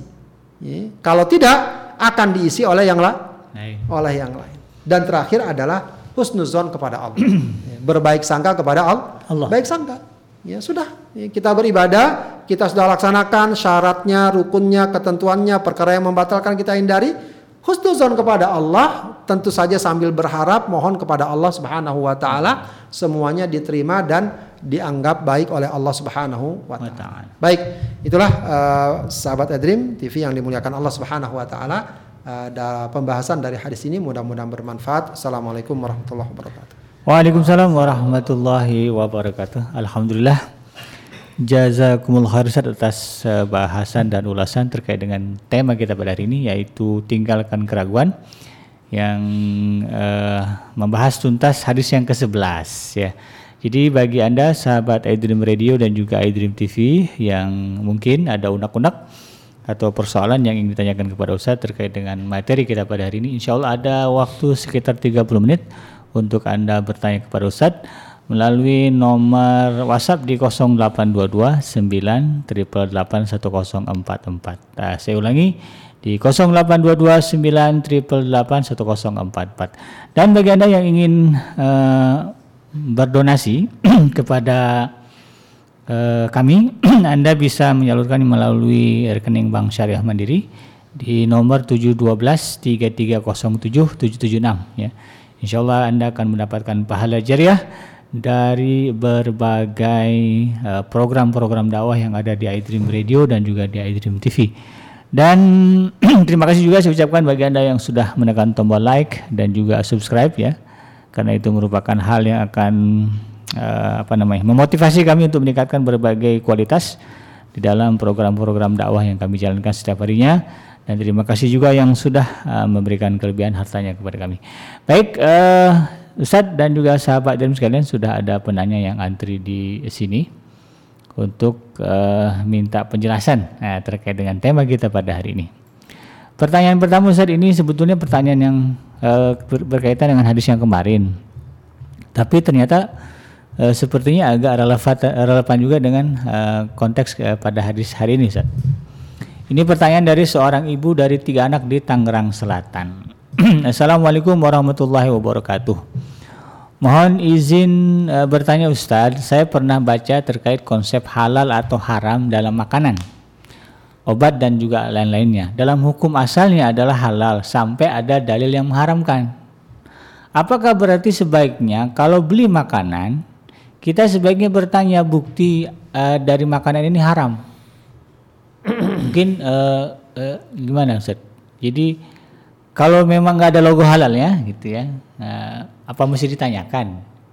Ini ada yang haramnya nggak gitu? Hmm. Untuk meyakinkan gitu saja. Jadi terkait dengan hadis kita pada hari ini juga. Silakan Ustaz. Baik, uh, perkara seperti ini memang terkait dengan bab muamalah. Ya, uh, para ulama membuat suatu kaidah yang cukup dikenal al aslu alal asya al ibaha. Hmm. Uh, asal hukum dari uh, berbagai perkara, perkara keseharian ya. Yeah. Muamalah itu memang al ibahah adalah dibolehkan. Dibolehkan. Kecuali ya nanti ada petunjuk atau dalil yang menunjukkan pengharamannya. Hmm. Ya, jadi uh, pertanyaannya adalah uh, bukan apakah atau adakah dalil yang membolehkannya tidak. Ya, atau, uh, pertanyaan adakah dalil yang mengharamkannya. Maksudnya hmm. kalau sesuatu perkara ya tidak ada dalil yang menunjukkan bahwa dia haram berarti dia boleh. Oh. Gak perlu ada dalil bahwa dia boleh gitu. Gak perlu ada dalil itu. Hmm. Jadi apalagi misalnya nggak nggak ada misalnya dalam Al-Quran atau dalam hadis katakanlah misalnya makanan buah rambutan yeah. itu kan nggak ada hadisnya rambutan yeah. adalah halal yeah. tidak ada kan atau uh, apa namanya makanan-makanan yang lain hewan misalnya yang tidak disebutkan baik secara definitif atau sifat-sifatnya sebagai perkara yang haram maka dia halal Oke. Okay. Ayam misalnya, mungkin nggak ada hadis menunjukkan bahwa ayam itu halal misalnya. Hmm. Berarti dia uh, dan nggak ada misalnya uh, yang mengharamkan. Yang mengharamkan baik dari segi jenis hmm. atau dari segi sifatnya. Yeah. Ya, dia binatang ternak, dia nggak buas, dia tidak bertaring hmm. misalnya. Ya, berarti sudah dia halal. Hmm. Ya. Nah, terkait dengan kita mengkonsumsi makanan di tengah masyarakat belanja dan lain sebagainya, wallah alam perkara seperti itu pun tidak dituntut kita sehingga kita menyulitkan diri kita. Yeah. Para umumnya para ulama memberikan satu kaidah kalau dia berada di tengah masyarakat muslim segala uh, secara umum dan tidak ada indikasi kuat keharaman sesuatu atau uh, menimbulkan keraguan sesuatu maka dia dapat uh, mengkonsumsi itu dengan mudah. Misalnya dia lihat di abang-abang jual ayam segala macam hmm. ya. Secara umum ini di masyarakat muslim dan umumnya disembelih dengan cara yang halal, halal dengan cara yang syar'i. Nah. begitu ya itu insya Allah tidak perlu dia katakan ini halal atau haram, haram ya tidak perlu ditanya Ustaz ya? tidak perlu ditanya sedemikian rupa ya tapi bahwa dia mungkin selektif oh ini saya lebih kenal orangnya lebih baik hmm. saya kenal orangnya soleh atau orangnya beriman hmm. itu lebih bagus memang ya, lebih, hmm. lebih bagus. lebih bagus jadi misal kalau kita ke restoran restoran ini pemiliknya muslim dia kenal apalagi orangnya dan seterusnya lalu dia pilih itu itu lebih baik hmm. atau dia misalnya uh, apa beli uh, daging kambing misalnya. Hmm. Ya, dia tahu ke temennya, oh temennya jual kambing. Ya. Udah saya beli daging kambing dari dia. Hmm. Ya, itu lebih terjaga atau beli daging sapi. Hmm. Nah, itu lebih lebih, lebih terjaga, lebih hati-hati. Lebih hati-hati. Lebih hati-hati. Ya, jadi itu warok namanya. Itu lebih baik. Jadi kalau dia lebih selek, selektif. Tapi secara umum ya uh, apalagi misalnya sekarang ada uh, label halal. Ya. Yeah. Ada restoran besar biasanya malah sekarang tuh restoran besar yang lebih jelas label halalnya misalnya, ya sudah, ya itu eh, bisa menjadi patok Patokan. Kalau tidak ada label halal gimana? Itu masuk dalam kalau dia apa ya masih kadang kalau restoran besar segala macam kita memang sering dibuat perasaan ra- ragu. Ya, Maka kalau tidak ada label halalnya lebih hati-hati kalau kita tinggalkan misalnya. Ya, Kalau perkara-perkara besar ya, tapi kalau keseharian mungkin ada tukang bakso, abang bakso segala macam ya eh, kita eh, ambil keumumannya saja. Iya. Ya, keumumannya apalagi kita kenal orangnya baik dan seterusnya ya eh, maka eh, tidak perlu kita deteksi sedemikian rupa ini halal atau ha atau haram. Jadi kalau memang kita hidup di komunitas muslim gitu ya. Atau misalnya di logo makanannya ada tulisan halal walaupun tidak resmi dari Majelis Ulama Indonesia ya sudah kita yakin saja itu adalah eh, makanan yang halal dan bisa kita konsumsi. Mudah-mudahan bisa dipahami oleh eh, penanya kita. Eh, baik itu Ustaz kita lanjutkan ke pertanyaan berikutnya. Ini dari akun atas nama Ibu Ratna Kartika Ustaz di Jerman. Kalau tadi antum sebut eh, ketika eh, sholat itu kan ada setan yang mengganggu Ustaz, setan khadzab namanya. Nah kan ada hadis yang mengatakan di bulan Ramadan setan diikat atau dibelenggu. Nah ibu ini bertanya, nah kalau di bulan suci ini godaan dalam sholat atau wudhu dikarenakan apa atau siapa?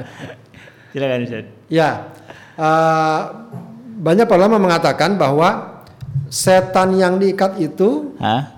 setan kelas beratnya. Oh itu. Salah satu riwayat namanya marodatus syayatin. Setan-setan yang apa ya? Yang memang kaliber lah ya. Iya iya iya. Artinya setan-setan kecilnya masih keliaran. Oke. Eh, ada juga yang mengatakan bahwa eh, potensi kemaksiatan itu selain dari godaan setan juga dari syahwat yang tak terkendali. Artinya ada orang yang sedemikian lemahnya Ya. tidak digoda setan pun Tergoda. syahwatnya Iya, sudah iya, iya. membuat dia Berbuat jadi ahli maksiat. maksiat ya sampai ada istilah sekarang sekarang ini banyak setan yang nganggur Hmm. ya istilahnya aja ya Iya. karena manusia ini udah banyak perilaku seperti setan begitu ya. Ya, Wallahu alam artinya kalaupun masih ada orang yang tergoda untuk berbuat maksiat Iya. dan lain sebagainya atau misal dalam sholat tadi dia nggak khusyuk dan lain sebagainya ya itu bisa jadi memang potensi-potensi eh, eh, keburukan ya, dalam dirinya syahwatnya juga masih eh, berfungsi eh, maksimal begitu ya kan dalam eh, surat asy-syams ya Allah katakan wa nafsi wa ma sawwaha fa alhamaha fujuraha Wa taqwaha. wa taqwaha dalam jiwa yang Allah ciptakan itu Allah berikan potensi ketakwaan dan potensi fujur. Ya, jadi ada memang potensi durhaka dalam diri ki- dalam diri yang harus kita atasi dan kita tunduk tundukkan oleh ketakwaan kita. Wallahu a'lam. Jadi eh, mungkin setan besarnya diikat bu, ya, tetapi ternyata ada setan kecil yang bersarang di sahwat kita. Ini yang harus kita waspadai. Terima kasih Ustaz, mudah-mudahan bisa dipahami oleh Ibu Ratna Kartika di Jerman. Kita lanjutkan Ustaz ke pertanyaan berikutnya. Ini dari nomor 0821 sekian sekian Ustaz. Assalamualaikum Ustaz, sebenarnya apa yang menyebabkan seseorang itu ada yang waro tetapi tidak tidak menjalankan syariat atau sebaliknya menjalan menjalankan syariat tetapi tidak waro dari Ayu di Depok. Ya, ini yang selalu kita dengung-dengungkan ya dalam beberapa kajian hadis yang telah kita baca, Hmm. yaitu penerapan dan pengamalan Islam secara utuh. Hmm. Ya. Iya iya. Yang sering sekali terjadi di tengah masyarakat memang Islam itu masih ya, eh, dipahami, apalagi kemudian dalam pengamalan masih belum utuh. Ya. Eh, belum utuh ini bisa jadi belum utuh sempurna atau juga memang belum utuh ya dalam sebagian sebagian sebagian sebagiannya. Jadi eh, dalam segala hal kita dituntut ikut dalam eh, nilai-nilai is- Islam. Islam dalam akidah, dalam syariat, dalam akhlak dan lain sebagainya. Iya. Ya, yang terjadi memang masih ya sering kali terjadi parsial. Melihat ada yang melihat Islam cuma masalah akidah saja. Iya. Gitu ya, masalah akidah yang penting kokoh mantep ya kemudian tadi eh, akhlaknya berantakan segala macam. Ada yang tadi betul-betul menjaga diri dari perkara-perkara yang membahayakan tadi eh, kemaksiatan dan seterusnya. Tapi akidahnya terabai, syariatnya juga terabai. Nah yang kayak gitu yang harus selalu ditumbuhkan. Ya. yaitu bahwa ketika dia mau berislam, berislamlah secara kafah. Sempurna. Udkhulu fi silmi Kafah. kafah menyeluruh ya. Karena Islam ini bukan sekedar agama sebagaimana yang mungkin dibayangkan sebagian orang sekedar sebuah apa namanya eh, ideologi yang mungkin hanya satu aspek. Islam itu semua semuanya. Akidahnya harus kuat, ibadahnya harus benar, syariatnya harus kokoh, akhlaknya harus terjaga, zahirnya harus baik, batinnya harus terjaga. Begitu semua semuanya. Nah, ketiadaan ya, pemahaman ini sering menimbulkan penerapan dan pengamalan Islam yang eh, sebagian-sebagian Iya, tadi parsial. parsial tadi. Maka kalau kita lihat nanti hadis-hadis arba'in nawa ini kalau dirangkumkan sebenarnya adalah merangkum seluruh nilai ajaran Islam dalam berbagai aspek. Oh iya. Bahkan sampai nanti ada pembahasan tentang masalah kodok. Hmm. Kodok ada masalah peradilan. Iya iya iya. Ya, itulah gambaran dari ya, keutuhan ajaran Islam. Islam. Dari mulai niat bukan Ustaz ya? Dari mulai niat ada masalah niat, masalah bertetangga, begitu ya, masalah berkeluarga, sampai masalah peradilan, ya dibahas. Iya. Wallah. Jadi demikiannya untuk eh, saudari penanya tadi eh, siapa tadi? Eh, Ayu ya, saudara Ayu, saudari Ayu di Depok bahwa memang ini eh, dasarnya adalah eh, kekurang pahaman masyarakat tentang harusnya berislam secara kafah. Makanya kan ada perintah udhulu fi silmi kafah. Masuklah kalian ke dalam Islam secara sempurna. Mudah-mudahan ini menjadi motivasi buat kita semuanya untuk semakin lebih baik lagi ya di dalam menjalankan eh, keislaman kita. Jangan separuh-separuh. Kita lanjut Ustaz ke pertanyaan berikutnya. Ini dari nomor 0812 sekian sekian Ustaz. Assalamualaikum Ustaz. Eh, saya suka ragu tentang akhir masa haid. Nah kalau antum kan tadi mas sholat yang lainnya. Ini kan haid nih Ustaz. Nah, bagaimana mengatasinya? Ini orang ragu ini sudah akhir belum gitu. Soalnya ada apalah gitu. Silakan. Ya, eh, ya ini eh, masalah haid biasa masalah ibu-ibu nih ya. ya, secara umum dalam kajian fikih itu para ulama menyebutkan masa Iya. haid itu berakhir dengan salah satu dari dua tanda. Oke. Ya. Pertama apa? Keluarnya cairan putih atau bening. Hmm. Pak Taufik nggak paham lah ini ya. Eh, eh, paham lah, sudah nikah. Kalau udah keluar cairan bening, ya berarti itu berakhir masa haid. Atau kering, Oh, tidak Atau ada yang, tidak yang keluar lagi gitu. tidak ada yang keluar lagi ya. Maaf ya, misalnya di apa di Toilet. di tes di dengan kapas misalnya nggak ada lagi yang keluar kering, Oh. ya sudah berarti haidnya berhenti. Berhenti. Berhenti. Adapun misalnya masih keluar cairan keruh yang bersambung dari haidnya, Hmm. itu para ulama menganggapnya sebagai haid. Eh, gimana sih? Misalnya dia haid biasa, Ah, kemudian setelah itu darah haid kan terkenal kan, merah pekat ah. misalnya, lalu keluar cairan keruh, kekuning-kuningan segala macam, hmm. tapi masih bersambung dengan Haid. haidnya yang sebelumnya, Ah. itu masih dianggap haid. Oh, Sampai nanti keluar cairan putih atau bersih, bening. tadi. kering. Ya. Kalau udah keluar bening itu tadi baru berhenti haid atau kering sama sekali. Kalau kasusnya sempat berhenti, tapi begitu mau sholat, eh ke toilet ada keluar lagi tuh bintik-bintik hitam misalnya. Itu gimana sih? Baik keluarnya itu berhentinya itu total atau tidak? Dia sudah mandi, udah berhenti, lalu keluar lagi. Gimana dia? Nggak yang penting itu sudah berhenti total atau tidak. Kalau masih bersambung tadi keluar sedikit-sedikit itu masih haid. Oke. Tapi kalau udah berhenti, sudah berhenti dia tunggu berapa lama? Berhenti kan? Hmm. Mandi. Lalu kemudian Lalu ada keluar tetes-tetes atau bercak-bercak, itu tidak dianggap haid. tidak dianggap haid. Tidak, saja? haid, tidak dianggap haid. Jadi kalau haid itu adalah darah yang mengalir kelu- Keluar. keluar. Ah. Kecuali kalau nanti besok keluar lagi darah banyak ya haid lagi. Setelah berhenti itu Setelah berhenti, yang penting keluarnya darah ya darah. darah. Oh ya, bukan yang meragukan lah Ya, ya. kalau misalnya besoknya keluar eh, cairan keruh atau kekuningan itu nggak dianggap haid. Kalau udah terputus. Iya iya iya. Tapi kalau bersambung masih dianggap haid. Hmm. Begitu. ya. Kalau hitungan hari bisa jadi patokan nggak Ustaz? Misalnya biasa seminggu, Nah, akhirnya diukur aja tuh. Ya udah tunggu seminggu, walaupun misalnya tiga hari udah kering, itu gimana Ustaz? Oh tidak, kalau udah kering ya berhenti haidnya. Jangan dianggap seminggu. Hmm. Ya. Keenakan ntar dia nggak. Kalau udah kering walaupun cuma dua hari, walaupun biasa seminggu kering, berhenti ya sudah, berarti suci dia. Jadi hari tidak bisa dijadikan patokan. Eh, bisa itu nanti kalau orang ada masalah ya. Oh sakit. Eh, enggak, eh, misalnya eh, eh, eh, yang biasa disebut kalau dalam fikih syafi'i itu juga ada beberapa madhab, eh, misalnya batas maksimalnya 15 hari. Oke. Kalau dia terus keluar darah melebihi 15 hari berarti setelah itu apa dianggap dianggap eh, bukan Penyakit. haid, ya penyakit. Atau ada orang yang nggak bisa membedakan. Ya, sebenarnya kalau yang paling bagus itu dia kenali dulu darah haid. Oke. Oh darah kayak gini. Kok ini udah lapannya masih keluar? Dia lihat, oh masih darahnya model darah haid, berarti masih haid. Masih Masih haid. masih haid. Nah yang agak bingung mungkin orang baru pertama kali haid nggak bisa membedakan. Iya, iya. iya. Ini uh, haid atau kok masih keluar terus misalnya. Hmm. Ya, uh, maka kalau dia tidak bisa membedakan, dia bisa mengambil patokan jumlah hari tadi. Hmm, Ya, 15 hari. Ya, enggak uh, dia biasanya berapa? Oke. Dilihat kebiasaan dia berapa. Hmm. Kebiasaan dia berapa? 8 hari maka 8 jadi patokan. Itu kalau dia nggak bisa membedakan ya. Hmm. Ya, kalau bisa membedakan maka dia lihat eh, kalau memang darahnya masih bentuknya darah haid Hmm. maka walaupun melebihi batas kebiasaannya mestinya dianggap sebagai darah Haid. darah haid. Wallahu a'lam. Oke. Jadi eh, pastikan dulu begitu eh, berhenti atau tidaknya seperti, seperti yang diuraikan Ustadz.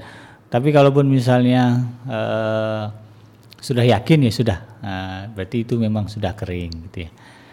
Ini perlu di, perlu diketahui oleh, oleh para ayah dan juga mungkin calon eh, suami karena mungkin ya Anda akan menjadi eh, apa namanya kepala rumah tangga maka setidaknya yang kayak gini, harus paham lah ya. Kalau nggak paham tanya, makanya ikut mengaji. Kita lanjut Ustaz ke pertanyaan berikutnya. Assalamualaikum Ustaz, ini dari saya Ayu dari Jakarta Selatan. Kalau tadi Ayu dari Depok, yang ini dari Jakarta Selatan Ustaz. Mau bertanya, misalkan seseorang sholat, namun ketika takbir salah niat. Nah kemudian eh, ketahuan nih, eh, atau ingat begitu. Lalu dia sampai mengulang tiga kali. Karena ada sa- eh, ada keraguan orang sampai diulang tiga kali. Dan masih salah, apakah betul kita harus wudhu lagi jika mau kembali melak- melaksanakan takbir untuk sholat? Nah, ini ada pemahaman baru Ya, pertama tentang salah niat yang dimaksud apa? Oke. Kalau salah niat cuma sekedar ah jangan-jangan bukan karena Allah atau apa begitu. Nah, itu tidak perlu diikuti perasaan itu. Eh, Kecuali kalau salah niat eh, saya niat sholat zuhur misalnya. Ternyata sebenarnya sekarang sholat asar. Bisa jadi kan begitu orang. Iya. Bangun tidur ya dia pikir belum sholat zuhur, dia sholat zuhur padahal dia udah tidak sholat zuhur. iya. Pas ingat-ingat lah ini kan asar. Ah, Nah itu boleh dibatalkan. Berarti dia nggak sah sholat asarnya. Ya, nggak bisa kemudian dikatakan oh ini kalau gitu saya ganti sholatnya asar nggak bisa. Hmm. Dia harus batal. Batalkan. Kalau yang dimaksud salah niat itu seperti Iya. seperti itu, paham ya? Iya. Tapi kalau yang dimaksud salah niat, apa yang dimaksud salah niat? Itu Dia tadi. tahu dia sholat zuhur, Ah. cuma perasaan kok belum masuk begitu. Ya, Kadang-kadang suka iya, ada. iya. Perasaan kok belum belum pas. belum pas. nah yang kayak gini itu Ah. sebenarnya tidak perlu diikuti. Oke. Yang penting dia tahu dia niatnya zuhur sudah selesai. Hmm. Ya, sudah sele- Terus, selesai. Jadi jangan kemudian eh, dibuat eh, apa terjebak, terjerumus dengan keraguan-ragu Keraguan. keraguan-raguan sudah dia pastikan. Maka bagus memang. Hmm. sebelum sholat juga orang jangan buru-buru main sholat aja begitu. Baru berarti dia ragu. Paling nggak tenangkan dulu dikit. Iya, ya, iya. tenangkan. Ya sudah eh, sedikit fokus. Ya, baru Allahu Akbar. Iya. ya, hadirkan. Enak begitu. Sebab kalau eh, baru datang Allahu Akbar bingung dia sholat apa ya misalnya itu baru bisa jadi ragu Hmm. Iya. tapi kalau sebab saat dia tenang dulu, ya, dia tenang, ya rapikan beberapa hal, ada sutro segala macam, ya bahkan posisi dia segala macam. Allahu akbar. Iya, iya. Itu enak kan? Ketika itu ragu, eh jangan-jangan niatnya masih belum mantap nih takbir lagi deh. Nah itu jangan. Hmm. Kayak gitu dituruti, besok akan begitu lagi. Iya. Ya, besok akan begitu, Itu begitu lagi. lagi. Apalagi kalau tadi dikatakan, oh apakah berwudu lagi? Yang nggak berwudu lagi, wudunya nggak batal, begitu ya. Kalau dituruti akan begitu terus dia. Akan kasihan, akan justru akan memberatkan diri, Dirinya. memberatkan dirinya.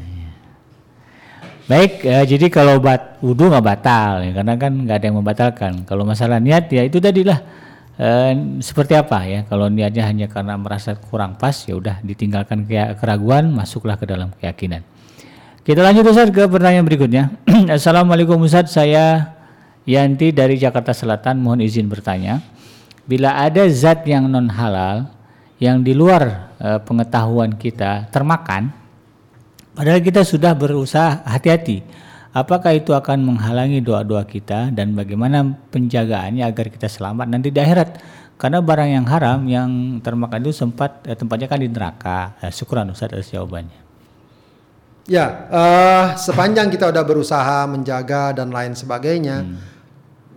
lalu ada yang misalnya kita nggak tahu masuk barang-barang uh, haram, ya insya Allah seseorang secara umum apa namanya dianggap uh, udur dengan uh, al jahlu, ya kebodohan atau ketidaktahuan itu dianggap sebagai udur sepanjang ya dia sudah ikhtiar, sudah maksimal dan lain sebagainya dan lain sebagainya dia biasa misalnya mengkonsumsi eh, di suatu tempat dan dia perkirakan ini baik segala macam yeah. ya ternyata pasti nggak lama dikasih tahu yeah. di sini yeah. ada makanan non halal ada rumnya ya dan semacamnya yeah. bahkan saya pernah lihat ada satu berita atau satu ini di uh, di apa di media gitu ya itu uh, restoran jual babi hmm? ternyata ada pegawainya pakai jilbab gitu. Itu ada. Iya, jual. Nanti kadang-kadang orang kan melihat salah satu indikasi oh pakai jilbab muslim. Uh. Ternyata jual babi makanannya. Nah, yang kayak kayak gini kan bisa jadi orang di luar prediksi. Iya. Di luar prediksi. ya. Nah, makanya kalau itu terjadi sudah ya istighfar kepada Allah, mudah-mudahan Allah ampuh.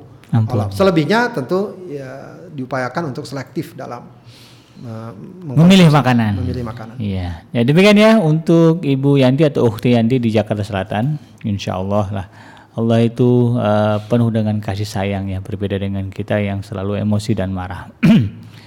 kita lanjut Ustaz ke pertanyaan berikutnya ini dari Ummu Hasna di Sydney. Assalamualaikum Ustadz, uh, kekhawatiran terjerumus ke dalam dosa dan kemaksiatan, apakah termasuk ke dalam penyakit was-was? Uh, khawatir terjerumus dalam dosa dan kemaksiatan tentu bukan. Itu hmm. bukan was-was. Itu hmm. malah bagus. Bagus. Ya. Waspada, hati-hati, takut dengan neraka itu bukan was-was. Iya. Ya. Was-was itu kalau misalnya sudah sampai dalam taraf ya yang mengganggu keyakinan, iya. begitu ya, atau uh, mengganggu suasana iba, ibadah, hmm. begitu. Tapi kalau kekhawatiran terhadap kemaksiatan mendorong kita untuk semakin banyak beribadah, untuk semakin berhati-hati, hmm. semakin memperkuat akidah dan keimanan, bahkan itu bah bagus ya. bahkan itu bah, bagus ya. tadi ya jadi uh, memang kadang-kadang di tengah masyarakat uh, orang tidak membedakan mana was-was ya mana kehati-hatian yeah. ya. atau mana kekhawatiran terhadap kemaksiat kemaksiatan begitu ya nah kalau misalnya orang sudah berusaha mencari yang halal uh, uh, misalnya makanan sudah di, tapi masih ada perasaan was-was nah itu nggak boleh Ya, tapi kalau dia udah tahu itu halal segala macam ya sudah tenangkan dirinya konsumsi apa yang bisa dia konsumsi atau lakukan apa yang bisa dia laku lakukan. Hmm. Wallah. Kalau terkait dengan doa Ustaz, apakah untuk meyakinkan doa kita dikabulkan harus berkali-kali atau cukup sekali Ustaz? Secara umum doa diperintahkan untuk sesering mungkin. Oh. Ya, doa itu tidak tidak diatur cuma sekali cukup udah saya udah minta sekali udah cukup tidak ya. sama kayak kemarin sekali sekali udah kemarin aja doanya sama yang kemarin ya tidak doa itu berkali-kali ya iya. jadi tidak ada doa yang sia-sia walaupun kita merasa udah dikabulkan doa saja iya. ya.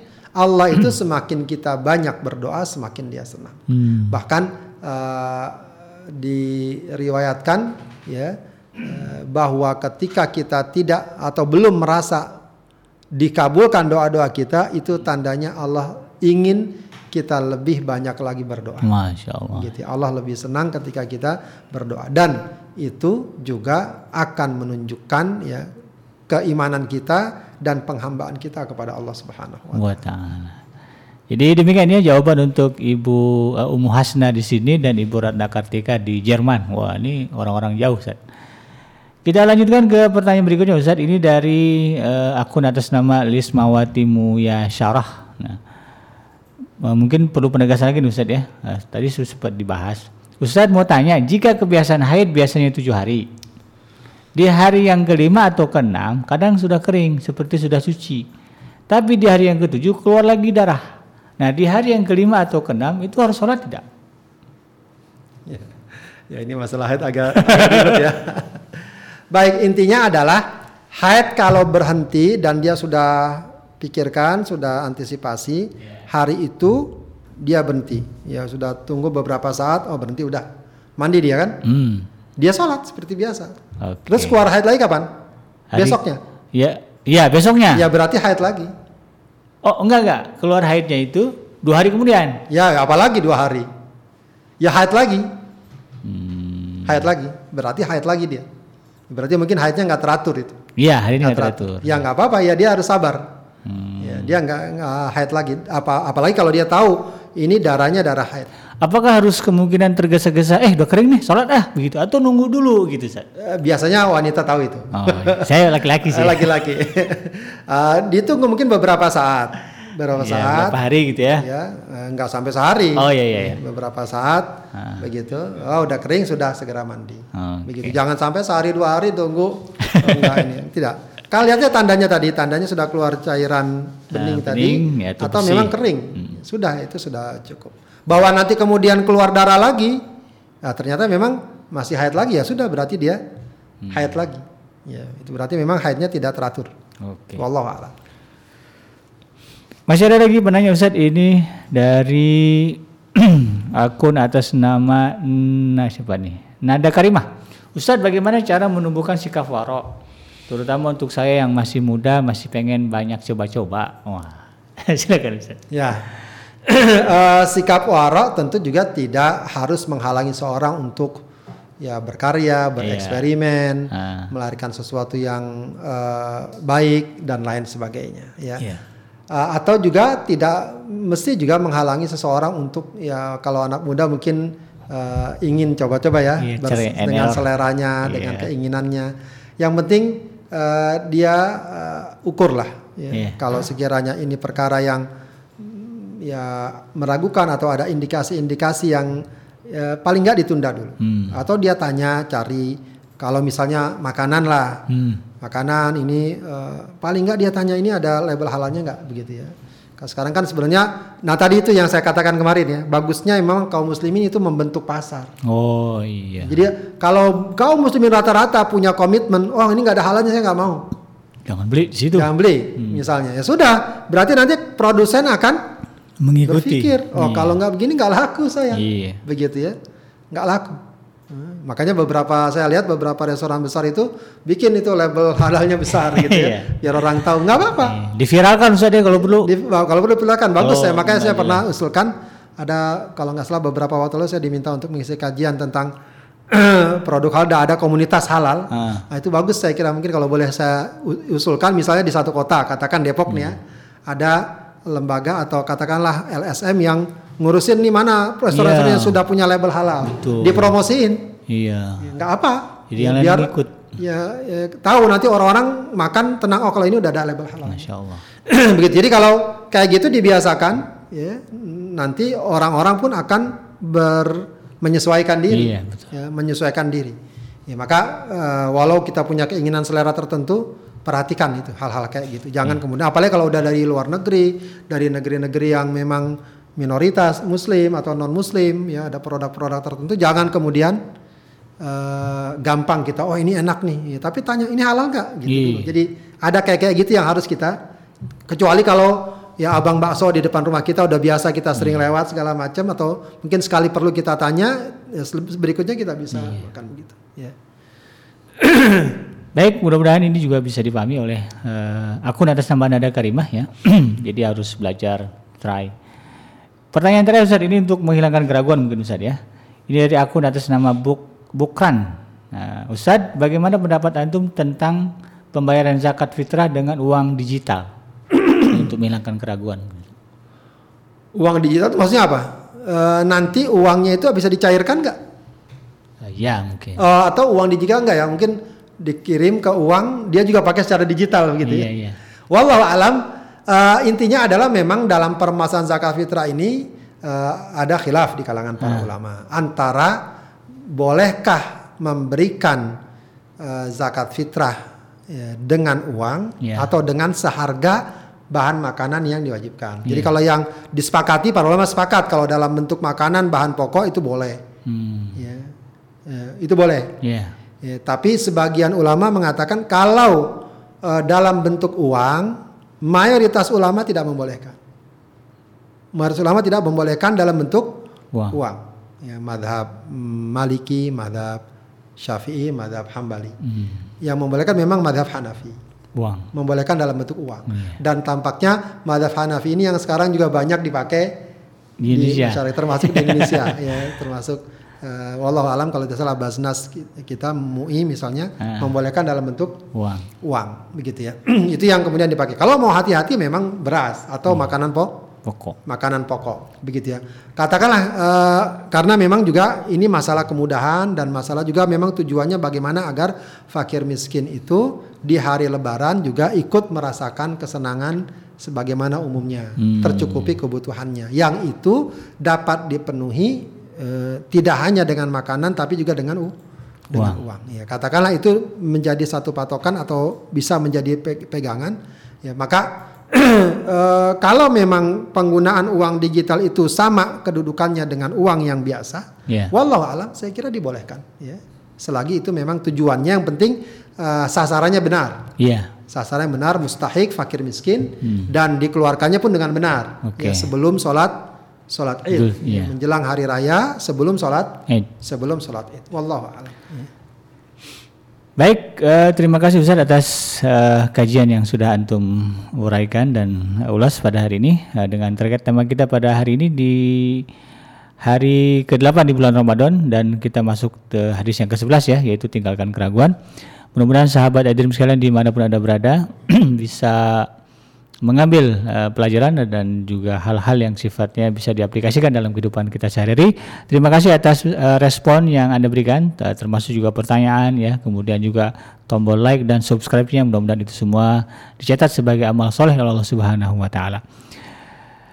Dan karena kita sudah berada di ujung acara, maka saya BKJ beserta kru yang bertugas pada hari ini memohon dibukakan pintu maaf yang sebesar-besarnya atas segala kekurangan dan saya tutup dengan membaca hamdalah alhamdulillahirabbil alamin serta doa penutup majelis subhanaka allahumma rabbana wa bihamdika asyhadu an la ilaha illa anta astaghfiruka wa atubu dan jangan lupakan nanti sore ada program ngaji from home bersama dengan host kita nanti eh, Akhi Fakhruddin Alwi dengan narasumber kita yang eh, akan kita undang ya membahas tentang masalah imunitas dan em, psikologi. Bila itu Assalamualaikum warahmatullahi wabarakatuh.